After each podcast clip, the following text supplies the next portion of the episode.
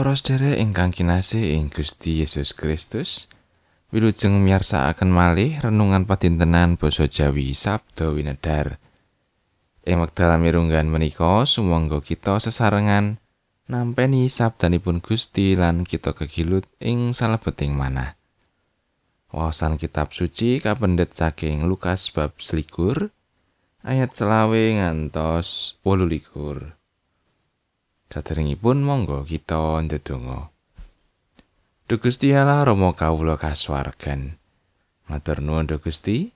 Sedaya berkah paduka tumrap ing gesang kawula. Sakmenika kawula sumadyo nampeni berkah karohanen arupi pangandika paduka.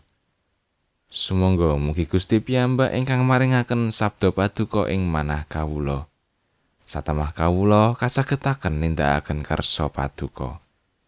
Minangka titah ingkang sekeng kawula ngrumaosi tasih kathah dosa kelepatan kawula. Mugi Gusti kersa ngapunteni.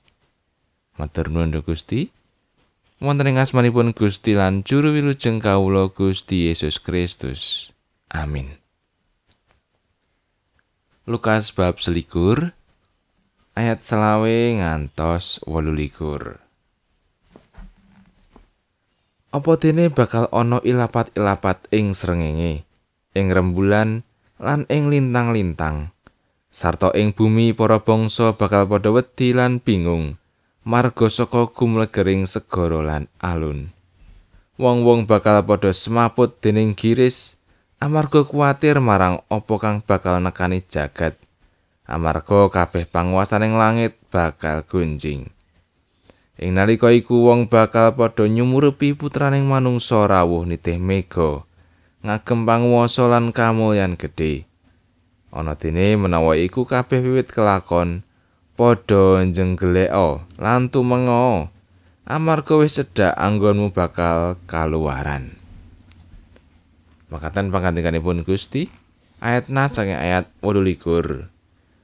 Ana dene menawa iku kabeh wiwit kelakon padha njenggeleka lan tumenga amarga wis cedhak anggonmu bakal kaluwaran. Anggenipun mratelakaken setunggal perkawis Gusti Yesus asring memucal kanthi pasemon kangge medhar bab kratoning swarga. Waosan ing wanci menika nedahaken.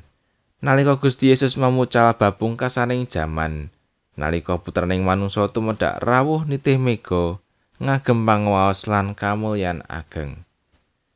Salah setunggaling cecala ingkang badhe kedadosan nalika putraning manungsa rawuh milujengaken umat kagunganipun inggih menika pratandaning alam awujud ilapat-ilapat ing langit sarta gonjinging seganten.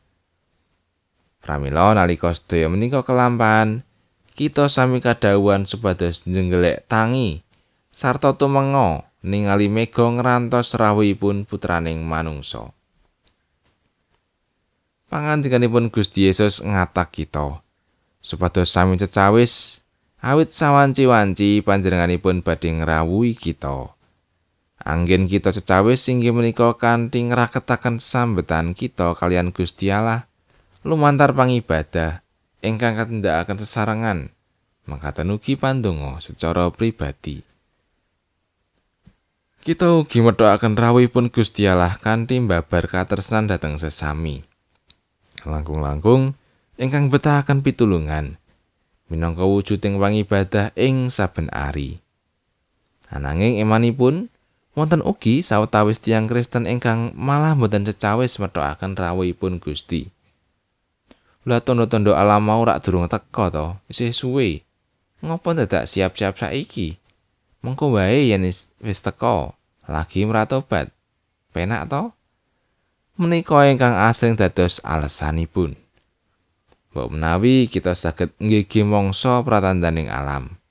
Ananging kita mboten saged mangertos wekdal menapa kita badhe katimbalan dening Gusti Allah. Pramila sumangga kita tansah secawis lan jumoga.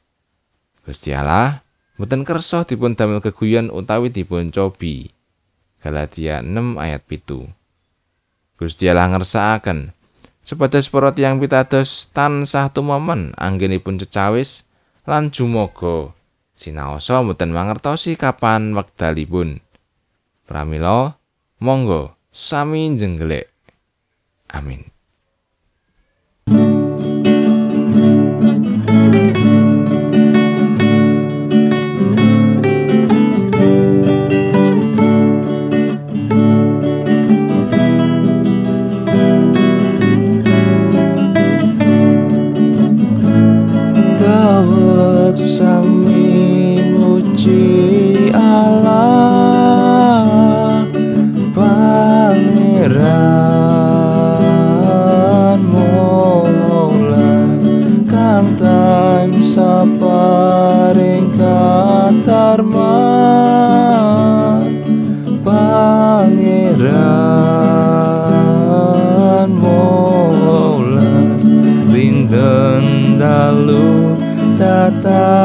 Kendat Tenyo anjang kongkang umat. Milo tawa uji Allah. Pangeran